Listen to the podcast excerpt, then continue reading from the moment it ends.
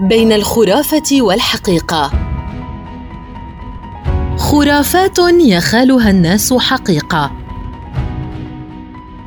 إذا أردنا أن يتمكن المحتضر من العبور إلى عالم الخلود أوقفنا الزمن بإيقاف ساعة المنزل في لحظة الموت. قد يكون السبج حجرا أسود شديد البرق ونوعا من القار القابل للاشتعال ولكنه يقي من العين أو عين المصيبة السوداء. في رأي سكان شواطئ البحر الأبيض المتوسط ويقي من العواصف لدى سكان بريطانيا العظمى ومن الاستحواذ في إيرلندا.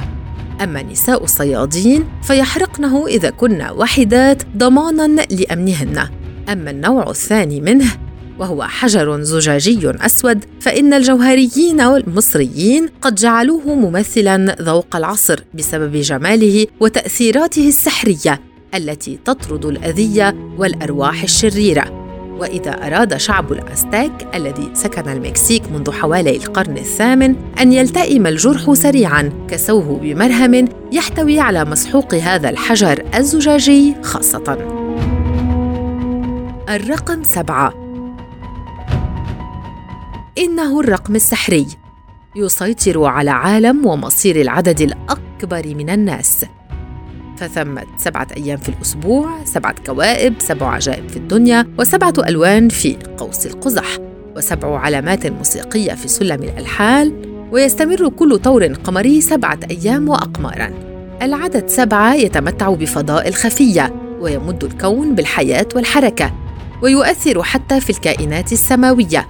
إذا أرادت النساء في مراكش أن يتجنبن العقم لففن أحزمتهن حول جذع شجرة سبع مرات.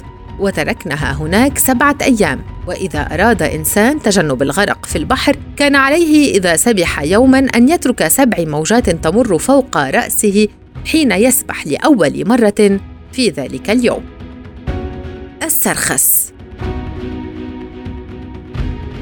إذا شاء الإنسان أن يكون خفيا أو يعثر على كنوز دون أن يكلف نفسه عناء كان عليه أن يحمل معه سبع بذور سرخس. وإذا شاء الإنسان أن يتقي لسعات الحية قطع أحد أغصان السرخس بأسنانه وألقى به خلفه مرورا بما فوق رأسه دون الاستعانة بيديه.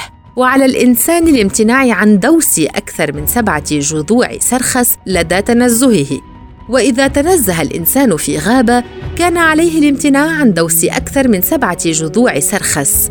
وهكذا يتجنب الضلال في الغابة. السرطان. إذا أراد الفلاح إنقاذ محصوله من الجليد المتأخر دفن وسط حقله كوزا مملوءا بماء نهر بعد أن وضع فيه 12 سرطانا.